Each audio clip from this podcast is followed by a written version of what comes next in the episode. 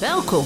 Dit is de podcast To Master Your Life nummer 15. De kracht van taal. Tips op het gebied van body, mind en food. Mijn naam is Vilna van Betten en ik heb er super veel zin in. Hallo dames en mensen, wat wordt het weer een fantastische podcast? Want de kracht van taal niet te onderschatten heeft zo'n enorm effect op hoe jij je voelt. Dat ik zeker weet dat je geïnspireerd raakt als je deze podcast luistert. En jezelf hierin een stukje kunt empoweren. Want dat doet taal. Taal kan je heel erg laag in je energie brengen en heel erg hoog in je energie. En taal heeft ook op de een een ander effect als op de ander. Dus dat is interessant, hè? Wat zeg je tegen jezelf? Wat zeg je tegen de ander? Wat is het effect? Wat gebeurt er dan in je brein? Wat gebeurt er op energetisch niveau? Wisten jullie dat er iets bestond als yin-yang taal? Dat je rapport kunt maken met taal. Wat is rapport dan? Dat er jeukwoorden zijn, beperkende woorden. Dat daardoor ons brein op slot gaat of juist in een groeistand gaat. En wist jullie dat de woorden niet, want en maar een hele bijzondere betekenis hebben. Kortom, een interessante podcast waarin je veel gaat leren over de kracht van taal. Energetisch, dat vind ik zo'n jeukterm, zei laatst een vriend van mij. En net als universum, vervolgde hij. Dus ik zei ja, Oké, hoe zou jij dat dan noemen? Nou, gewoon eh, bewustzijn, energie. Alles is toch energie? Interessant. Want welke woorden irriteren de een en resoneren bij de ander? Dat is wat mij heel erg heeft geboeid de afgelopen jaren, maar ook wat ik vooral gebruik als ik werk met cliënten en met mensen in mijn seminars. Want rapport maken met taal is dan een belangrijk goed. Dus laten we daar eens mee beginnen. Los nog van welke woorden wat voor effect hebben, is het dus kennelijk belangrijk dat je je gelijk gestemd voelt met degene met wie je spreekt. Ehm, ik weet nog dat mijn zoon op een gegeven moment uit de boom was gevallen en een hele grote diepe snee in de binnenkant van zijn dijbeen had. En dat hij bij de arts kwam, met de ambulance was afgevoerd en bij de arts kwam. En dat de arts een heel plastisch verhaal ophield over zenuwbanen, zenuwbanen, anatomisch verhaal. Waar mijn zoon echt helemaal niets mee kon. Hij was toen denk ik 11, 12 jaar, misschien wel ietsje jonger zelfs. En het enige, hij haakte helemaal af. Hij wilde alleen maar weten: doet het pijn? Gaat het over? Word ik beter? En op dat moment hebben we dan een mismatch. Dan zie je echt dat degene die tegenover je zit eigenlijk helemaal niet overkomt. En dat is jammer, want daarmee kan de ander ook niet meer luisteren en ook niet meenemen wat jij wellicht te vertellen hebt. Dus welke woorden uh, voor jou belangrijk zijn, is waar jij in je wereldmodel op dat moment bent. En dat is ook de taak van degene die gaat zenden. Dus als jij iets wil vertellen aan iemand of iets wil uitleggen, dan is het heel erg belangrijk dat je afstemt op waar die persoon zit in zijn wereldmodel. Kan hij of zij al begrijpen wat jij wil overbrengen? Spreekt hij dezelfde taal? Hetzelfde is natuurlijk in relaties. Ik heb heel veel relaties uh, bij mij op de praktijk, relatieproblemen, uitdagingen. En 9 van de 10 keer zit dat in de communicatie. En dan blijkt dat ze elkaars liefdestaal niet spreken. Zo had ik een echtpaar, die waren 40 jaar getrouwd. Prachtig stel. Heel veel liefde, hele mooie geschiedenis samen. Maar die vrouw die was er helemaal klaar mee. Dus zij zat op de bank bij mij en ze zei: Ja, ik weet het niet hoor. Voor mij hoeft het op deze manier niet meer. Hij zegt nooit dat hij van me houdt. Hij zegt nooit dat hij trots op me is. Hij geeft me geen aandacht. Ik, uh, van mij hoeft het niet. Waarop die man heel verbaasd keek naar haar en zei: Hoezo? Ik hou niet van je. Ik heb verdomme de hele keuken verbouwd, de hele badkamer verbouwd. Dat doe ik juist omdat ik van je hou. Van mij hoeft dat niet hoor, die badkamer en die keuken. Ik ben ook gelukkig zoals het was. En toen bleek al heel snel dat ze elkaars liefdestaal niet spraken. Zij heeft behoefte aan lieve woordjes, dat hij zegt dat hij van haar houdt. En hij wil vooral in zijn performance, in zijn doen, laten weten dat hij van haar houdt. En zo kan het zijn dat jij iets heel erg mist in een relatie, of dat je voelt dat je niet begrepen wordt, terwijl de ander het eigenlijk helemaal niet verkeerd bedoelt. En dat noemen we dan miscommunicatie. Nou, hoe kun je daar nou op letten? Wat kun je daar nou mee doen? Leuk om jullie mee te geven dat iedereen bepaalde voorkeurstaal heeft, wat je heel makkelijk kunt herkennen bij de ander. Vanuit de neurolinguistisch programmeren, de binnen de NLP, spreken ze van vijf voorkeurssystemen. Eigenlijk zes. Dat is visueel. Dus dan ben je iemand die waarneemt met je ogen. En dus ook taal zal gebruiken die daarover gaan. Dus dat je zegt: Ik zie aan jou dat je gelukkig bent. Uh, toen ik naar het brandende huis keek, zag ik de vlammen hoog opgaan. Dus is iemand die praat echt in visuele taal. Um, je hebt iemand die kan auditief zijn. Nou, auditieve mensen die doen het via het gehoor. Die luisteren, die haken aan, die nemen beslissingen op basis van dingen die ze horen. Dus als iemand tegen hun zegt: Goh, ik heb zo'n leuk vakantieadres gezien. Dan zal dat bij die persoon eerder binnenkomen dan een mooi plaatje van het vakantieadres. Maar die mensen die praten dan ook in voorkeur in auditieve taal. Dus ik hoor dat jij gelukkig bent. En bij de brand was het knetterende vuur echt intens. Ik weet nog dat het helemaal door heel mijn lijf ging. Dat geluid van het knetterende vuur. Dat is een auditief persoon. Die staat voor dezelfde brand, maar zal het anders representeren. Nou, dan heb je ook nog een kinesthetisch uh, voorkeurssysteem. En kinesthetisch, dat is eigenlijk vanuit je gevoel. Dat is iemand die beslissingen neemt op basis van een goed gevoel. En zal ook uh, vanuit gevoelswoorden praten en zal ook aanhaken op gevoel. Dus bijvoorbeeld, oh, ik voel helemaal jouw fijne energie. Je bent vast gelukkig, hè? En die zal bijvoorbeeld zeggen, oh, die hitte van die vlammen. Het voelde zo heftig. Ik ben er nog helemaal van slag van. Dat is dus iemand die een kinesthetisch voorkeurssysteem heeft. Nou, dan heb je ook nog twee andere systemen, die zie je minder vaak, maar die zijn er wel. En dat heeft ook te maken met hoe je bent opgevoed en wat je hebt meegekregen. Uh, daar kom ik straks ook nog even op terug. Maar uh, olfactorisch, uh, dat heeft te maken met reuk. Dus dat zijn mensen die waarnemen en waar reuk een heel belangrijke invloed op heeft. Die zullen dat niet zo heel snel representeren als alleen maar een voorkeursysteem. Maar het heeft wel een bijzondere uh, betekenis, omdat mensen uh, wel reuk vaak associëren met een gevoel of een gedachte of een gehoor of wat ze zien. Dus het is vaak gekoppeld aan elkaar. Dus de geur van de rook enzovoort. Die komt dus minder vaak voor. Um, maar hij is wel vaak secundair aanwezig. En je hebt nog een ander voorkeurssysteem wat ook wel minder vaak voorkomt. En dat is gustatief en dat is dan smaak.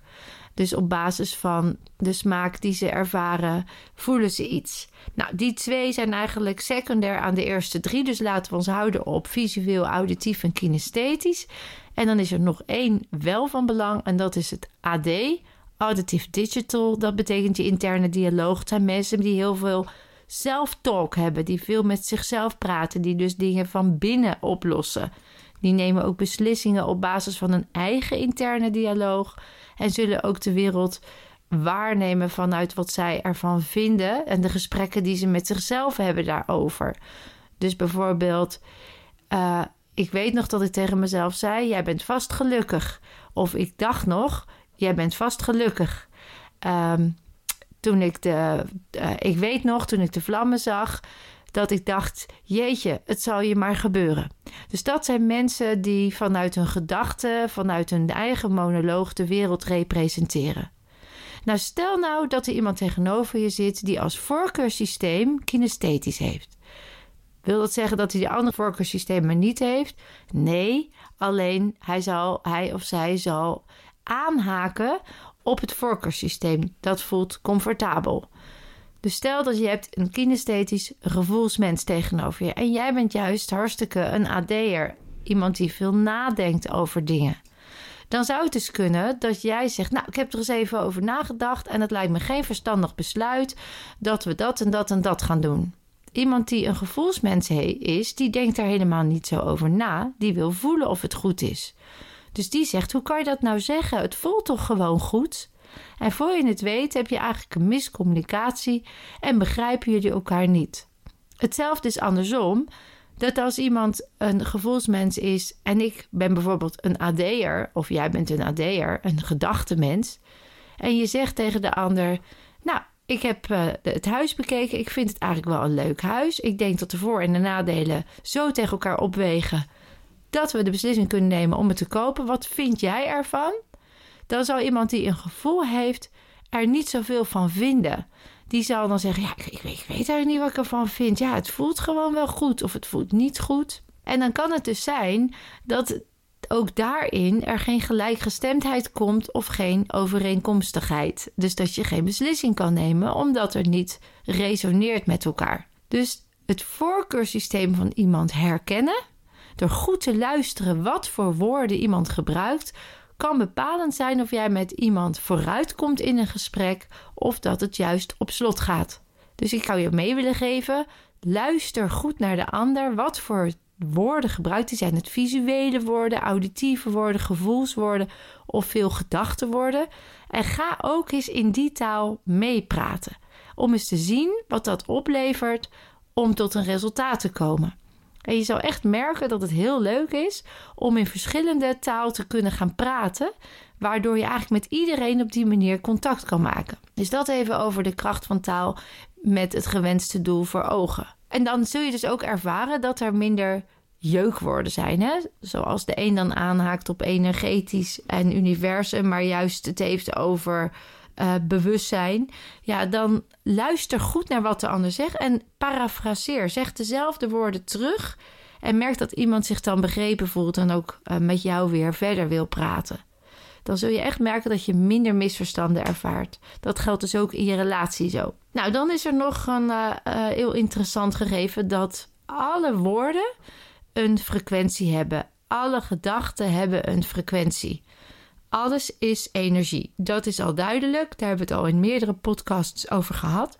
Dus welk woord jij gebruikt is bepalend of je je hoog in de ladder voelt. Dus een fijne energie, veel energie, lekker in je vel, positief. Of dat je je laag in de ladder voelt. Um, dat is ook de trilling en de frequentie waarop je brein dan reageert. Hoe de neurochemische processen wel of niet in een bepaalde uh, golfbeweging kunnen bewegen. Bijvoorbeeld, het leven is zwaar, het is donker. Dat zijn eigenlijk allemaal woorden die laag resoneren uh, waardoor je ook een zelfbevestiging krijgt en ook de trilling lager wordt, waardoor je ook minder energiek voelt. Als je daar wat meer over wilt weten, dan is er een heel mooi uh, onderzoek gedaan. Die in de film What the Bleep Do We Know ook naar voren komt, maar ook te vinden is op allerlei uh, YouTube-kanalen en internet van Dr. Emoto. Die heeft water op moleculair niveau gefotografeerd. En tegen de ene watercel, en ook cellen hebben een bewustzijn, hè, dat is in jouw lichaam ook. Het heeft een intelligentie, het heeft een bewustzijn. Dus hoe jij tegen je cellen praat, bepaalt ook hoe het beweegt. Quantumfysica, Robert Dijkgraaf heeft er eens een keer een prachtige lezing over gegeven bij De Wereld Draait Door. In 2012 misschien ook nog wat terug te vinden op internet. Is gewoon wetenschappelijk aangetoond. Hè? Dan komen we meer in de kwantumfysica. Maar even zijpad terug. Dus elke keer als jij iets zegt, dan verandert het op celniveau qua structuur. Dat geldt dus ook voor die trilling. Nou, Dr. Emoto heeft dat dus aangetoond, dus door van water uh, foto's te maken. En tegen, de ene, tegen het ene watermolecuul zei hij uh, iets liefdevols. En plakte hij daar een sticker op met iets liefdevols. En de andere iets uh, haatdragends. En we zagen dus dat op moleculair niveau de structuur helemaal veranderde. En zo zijn er nog veel meer onderzoeken geweest die hebben aangetoond dus dat de kracht van de energie van taal enorm effect heeft op jouw welzijn. Als je dan realiseert dat jij voor meer dan 70% bestaat uit water, dan kun je je voorstellen dat wat je tegen jezelf zegt enorm veel effect heeft. Alle woorden die laag op de ladder zijn. Dat zijn woorden die donker zijn, waar boosheid in zit, waar woede in zit. En woede veroorzaakt weer negatieve lage woorden. En lage woorden veroorzaken weer woede. En zo kom je ook in een loop van die lage energie. Nou, en dan kom ik eigenlijk ook gelijk op mijn yin-yang taal. Uh, yin is, uh, er moet altijd wel een, een balans zijn. Hè? En ook in jouw lichaam wil dat balans hebben. En om hoog in de ladder te blijven, moet je dus uh, bewust blijven dat je veel meer yin toepast uh, dan dat je nu doet. Omdat de neiging is om toch te klagen of het negatieve te ehm, aandacht te geven, om daarop te focussen. Dat heeft te maken met onze negativity bias. We zijn gericht op wat bedreigend is of wat angstig is. Dat is nog vanuit de evolutie. We willen graag overleven. Dus we moeten harder werken om yin gedachten, lichte positieve gedachten, positieve woorden toe te brengen in ons leven. Nou, en yin woorden, dat zijn bijvoorbeeld complimentjes, complimenten geven aan jezelf, maar ook de woorden letterlijk als licht en blij en liefde en passie en enthousiasme en vergeving en dankbaarheid.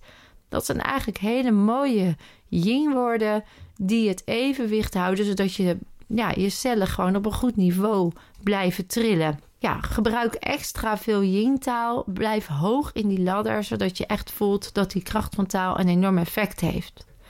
Een ander onderzoek wat dat aantoont is natuurlijk het eh, placebo en het nocebo effect. En dat uh, staaft eigenlijk wat ik net al vertelde. Als iemand uh, beter wil worden, en dat, uh, daarom is het zo ontzettend belangrijk wat artsen tegen patiënten zeggen, maar ook wat jij tegen je kind zegt of tegen je partner. Elke keer als jij iets zegt wat voor jou waar is, en je doet het alsof het een algemene waarheid is, dan zou de ander dat kunnen aannemen, die frequentie kunnen overnemen. Dat zaadje wordt dan geplant in de ander zijn hoofd. En gaat hij dat ook misschien wel bevestigend leven? En zo zijn er bijvoorbeeld heel veel waarheden die niet kloppen, maar die in jouw hoofd waar zijn, die heel destructief zijn voor jezelf en dus ook voor de ander. zo kan er tegen je gezegd worden van, nou, je wordt, een dubbeltje wordt nooit een kwartje. Jij bent helemaal niet geschikt om iets in de muziek te doen. Hier kom je nooit meer van af. Ja, als je eenmaal daar last van hebt, dan duurt het jaren voordat je er vanaf komt. Allemaal slechts ideeën die iemand ooit weer heeft gehoord van een ander, die ook niet per definitie op waarheid berusten, maar waardoor jij wel dat gaat leven, gaat geloven en ook dus niet meer eruit komt op die manier, je op op slot zet. Ik zeg in mijn seminars gebruik ik altijd het voorbeeld hoe we dan zaadjes bij elkaar planten en hoe dat dan gaat. Uh, bijvoorbeeld met Sinterklaas. Nou, iedereen die dit luistert, die in Nederland is opgegroeid, die zal zich hierin herkennen. Die heeft in Sinterklaas geloofd. En hoe is dat nou ontstaan? Slechts een idee van iets, hè, van iemand die iets tegen jou zei over een man met een baard, die heel oud is, die cadeautjes kon brengen als je lief bent, enzovoort. En hoe hebben we dat idee bevestigd? Nou, dat is ook nog eens heel erg gecultiveerd. Ja, we hebben het Sinterklaasjournaal. Hij komt aan met de boot. We, we zetten onze schoen. We zingen liedjes. Op school wordt er aandacht aan besteed. Kortom, dat ene slecht kleine idee groeit uit tot een ongelooflijke grote, dikke, vette kernovertuiging en een neuronenteam in jouw systeem en een energetische frequentie waarop jij weet dat het waar is. En zo zie je dus dat slechts een idee dan een ja, grote boom wordt, een zaadje wordt, groeit uit tot een boom en jij dat dan leeft. Dus als de dokter iets tegen je zegt, je komt er nooit meer vanaf, je kunt jezelf niet helen. Uh, dit is al jarenlang een probleem, dus daar ben je jarenlang nog mee zoet. Ja, dan kan het ook zijn dat je dat jezelf bevestigt en dat dat waar wordt. Dus wat zeg je tegen jezelf en wat zeg je tegen de ander, zodat je daarmee het beste uit jezelf en de ander haalt.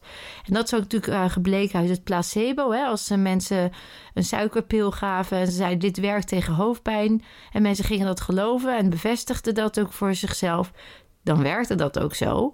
En andersom, een nocebo, dat is natuurlijk de bijsluiter. Dat zijn allemaal dingen die je allemaal kan krijgen. hoe ernstig en uh, misselijk en uh, jeuk en huiduitslag. Ja, dan zie je ook dat dat gebeurt. Dus kennelijk is die kracht van taal enorm. Word je dus bewust van de taal die je gebruikt, veel yin-taal. En als je met uh, taal, als je zinnen gebruikt en woorden, zorg dan dat die het beste uit jou halen en uit de ander. En dan kan natuurlijk zijn dat je zegt: Ja, ik kan nu wel beginnen tegen mezelf te zeggen dat ik zo leuk ben, maar ik vind mezelf niet leuk. Ja, dat is dan precies waar het over gaat. Dan heb je kennelijk in al die jaren daarvoor tegen jezelf herhaald dat je niet leuk bent. Dat is nu dus die dikke vette boom. Dat voelt dan als waar.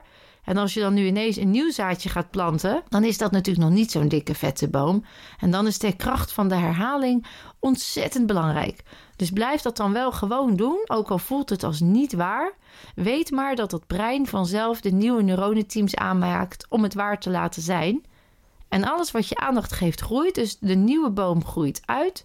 En de andere boom die je eigenlijk dan geen water meer geeft, ja, die dooft vanzelf uit. Neurologisch heet dat pruning. En dan wordt het gesnoeid. En uh, aan de andere kant groeit het dan. En dan kom ik gelijk even naar het bruggetje naar fixed mind en growth mindset. Er zijn natuurlijk ook weer hele prachtige onderzoeken uit de neurowetenschappen dat ook uh, je brein zich heel erg goed en verder kan ontwikkelen, maar ook dat het vast blijft zitten. En uh, als het vast blijft zitten, dan ervaart men minder kwaliteit van leven, minder gezondheid en minder geluk.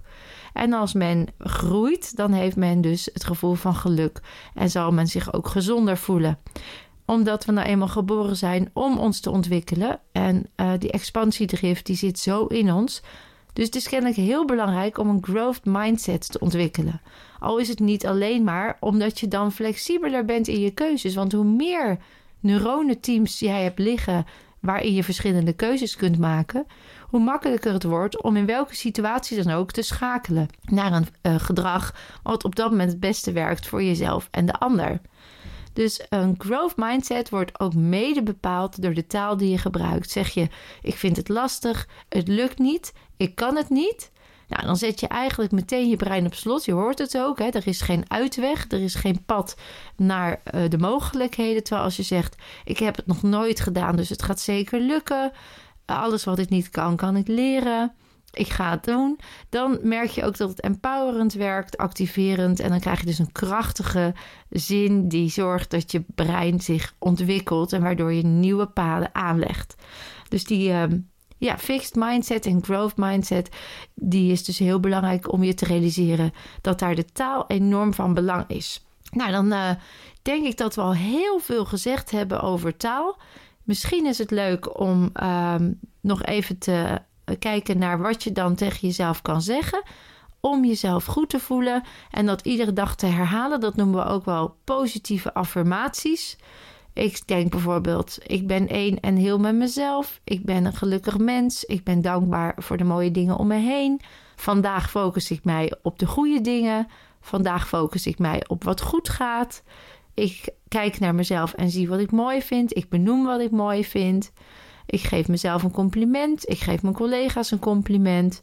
Goh, het regent, wat fijn. En dan kan ik binnen wat meer taken uitoefenen. Enzovoort. Dus dat heel belangrijk dat je van elke situatie die je meemaakt bewust bent hoe jij er naar kijkt en wat je ervan vindt en wat je daarover tegen jezelf zegt. Als je zegt, ja, het regent, dus het wordt niks vandaag, het is klote dag. Dan weet je nu al dat dat zelfvervulling werkt. Je daarmee je brein op slot zet en je laag in je energie gaat. Als je zegt, vandaag is mijn lievelingsdag. Dan weet je nu al dat dat mogelijkheden creëert. Dat je positiever bent, dat je hoog in de ladder bent. Dat je dus meer veerkracht hebt, meer aan kan. En dan zeggen mensen wel eens tegen mij: Ja, maar ja, is het dan wel je lievelingsdag? Want er gebeurt toch ook wel eens iets niet leuks? Ja, dat klopt. Alleen om het niet te zien als niet leuk, maar als leermoment en om jezelf in je kracht te houden, is het natuurlijk wel een fantastische mindset om ervan uit te gaan dat het een lievelingsdag wordt. En als er dan dingen gebeuren, dat je er vanuit die kracht ook ermee omgaat. Dus ook um, wat ik tegen mezelf zeg is bijvoorbeeld: ik geef mezelf een 10. Nou, zou je kunnen zeggen, ja, maar dan ben je dus arrogant of dan ben je nooit uitgeleerd. Nou, met mijn neurologische kennis weet ik dat als je jezelf een 10 geeft, je juist alle voorwaarden creëert om nieuwe dingen aan te gaan, om het lef in te zetten wat je nodig hebt bij onzekerheid, om uh, juist datgene wat je wil bereiken te bereiken. Want als je zegt ik ben een 6, dan laat je tussen die 6 en de 10, laat je uh, jezelf wegtikken, laat je jezelf wegslaan, durf je geen dingen aan te gaan. Ja, juist omdat je jezelf tekort doet. Dus word echt bewust van wat je tegen jezelf zegt. Je kunt een mooi uh, boekje maken waarin je opschrijft wat je mooi vindt aan de dag, waar je dankbaar voor bent, wat je leuk vindt aan jezelf. Uh, welke taal je tegen jezelf zegt, welke positieve gedachten je gebruikt om daar nog meer bewust van te worden. Bekrachtigende gedachten, bekrachtigende taal. Nou, ik had jullie nog beloofd om even een paar bijzondere woorden uh, aan te halen. Want zoals ik zei, het brein reageert dus, uh, zowel qua frequentie als qua neuronenpatronen. Nou, wat blijkt? Het onbewuste kent het woordje niet niet. En daarom is niet eigenlijk een heel bijzonder woord. Als je zegt, denk niet aan de roze olifant, je kent hem wellicht wel dan uh, zul je ook merken dat je juist meteen die roze olifant voor je ziet of daar al die roze olifant is. Nou, dat heeft dus mee te maken dat het woordje niet, niet gekend wordt. En als je dat dus tegen jezelf zegt, ik wil uh, niet snoepen, ik wil nu niet gaan roken. Ja, dan is de focus eigenlijk op roken en op snoepen. En dan wordt juist de verleiding groter. Dus je kunt dan beter zeggen: Ik wil gezond leven. Ik ga nu lekker sporten. Uh, ik merk dat ik behoefte heb aan een appel, zodat je eigenlijk het hele woord niet vermijdt en het positief tegenovergestelde ervoor in de plaats zet. Nou, een ander bijzonder woord is het woordje want. Dat is een heel gaaf onderzoek, vond ik zelf heel erg eye-opener. Ze hebben mensen voor een kopieermachine gezet en um, er was zeg maar iemand die uh, heel veel kopietjes had. En daarachter stond iemand met maar een paar kopietjes. En die wilde eigenlijk even voor. En dan hebben ze aangetoond dat als je dan zegt: um, meneer of mevrouw, mag ik even voor? Dat de mensen niet zo geneigd zijn om je voor te laten. Ook al heb je maar vijf kopietjes, ze willen hun eigen zaak ook afronden of in de rij bij de kassa. Maar als je zegt: uh, meneer of mevrouw, mag ik even voor? Want ik moet naar de wc. Het hoeft niet eens een legitieme reden te zijn, maar je gebruikt het woordje want dan zijn mensen ineens wel bereid om jou voor te laten. Dus het woordje want heeft een magisch effect. Dus wil je iets bereiken, gebruik het woordje want. De reden hoeft eigenlijk niet eens legitiem te zijn. Mooi onderzoek. Nou, een paar woorden die uh, beperkend zijn, die ik je nog wel even mee wil geven, zijn de woorden moeten en maar en proberen. Het woordje moeten, nou, merk zelf als ik opsta en ik zeg: Oh, ik moet nu eh, snel opstaan. Ik moet nog het eten voor de kinderen voor, de lunch maken. Ik moet nog even een telefoontje plegen. Ik moet nog even boodschap doen. Ik moet nog even. Dat ik eigenlijk al helemaal leegloop aan energie. Omdat ik denk: Jezus, ik moet zoveel. Waar begin ik? En ik heb er al geen zin in. En He, ga het experiment aan met jezelf. Vervang moeten is bijvoorbeeld door willen of kunnen of ik ga. En je zal echt meteen merken dat de dag veel rustiger verloopt, veel ontspannender en ook jezelf uh, veel actiever blijft. Dus het woordje moeten schrappen uit je vocabulaire. Nou, het woordje maar, um, ook handig om te schrappen.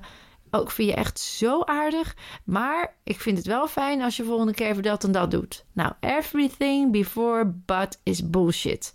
Alles wat je voor het woordje maar zegt, valt eigenlijk weg. Omdat maar indiceert dat je uh, eigenlijk het weer tegenspreekt wat je ervoor zei. Dus dan luisteren mensen naar de tegenspraak, wat je dus daarachter zegt, en niet wat je ervoor zei. En dan blijft dus het negatieve hangen en het positieve, ja, dat komt eigenlijk niet aan. En dat geldt ook voor jezelf. Ik heb wel zin om te wandelen hoor, maar ik merk nu dat mijn schoenen een beetje knellen. Nou, dan ga je dus niet wandelen. Dus als je zegt, ik merk nu dat ik zin heb om te wandelen. En ondanks dat mijn schoenen knellen, ga ik kijken hoe ver ik kom. Dan wordt het al een heel ander verhaal. Dus van ja, maar maak er van ja en. En maak van je probleem je doelstelling. En dan is er nog eentje die, uh, uh, die, uh, waar, waar het eigenlijk al in het woord zit. Proberen. ik schrijf het wel eens op bij mijn seminars. Pro is natuurlijk vooraf. En beren zijn natuurlijk gewoon beren op de weg. Dus er zit al letterlijk in proberen. Vooraf de beren op de weg zien. Ik ga proberen. Ik ga het proberen. Ik ga proberen mijn best te doen. Ik ga proberen mijn examen te halen. Daarin zit een vooronderstelling dat je het niet hoeft. En merk je dus dat er minder proactiviteit zal zijn. Je zal minder snel geneigd zijn het ook te doen. En je ziet al alle beren op de weg. Dus maak van proberen. Ik doe het. Ik ga. Ik heb het al gedaan en je zult merken dat je zelf meer doelen bereikt. Ik hoop dat je enorm geïnspireerd bent met deze podcast en dat je vanaf nu de kracht van taal zo gaat gebruiken dat je er energie van krijgt en ook de ander gaat empoweren het beste uit zichzelf te halen. Ik vind het ongelooflijk leuk als jullie nog leuke hints, tips of aanvullingen hebben. Dus geef ze. Reageer waar op de kanalen dat mogelijk is. Want met elkaar kunnen we de wereld echt een beetje mooier maken. Uh, mocht je meer van willen weten, zijn er ook altijd hele leuke workshops. Onder andere ook over de kracht van taal. Check gewoon even mijn website. Want wie weet zit er voor jou wat tussen. Voor de volgende podcast gaan we het hebben over anorexia. En dat wat te overwinnen is. Ik heb dan een hele bijzondere gast. En daar heb ik nu al ongelooflijk veel zin in. Zij heeft anorexia overwonnen. Onder andere middels de Body and Mind Reset. En een hoop uh, eigen proactiviteit. En ze heeft nog heel leuk nieuws daarbij te vertellen. Dus uh, ja, ik kijk al uit naar de volgende podcast. Ik hoop jullie ook. Ik uh, bedank jullie weer voor uh, deze mooie, prachtige podcast. Het beluisteren daarvan. En je weet het, je kunt meer dan je denkt.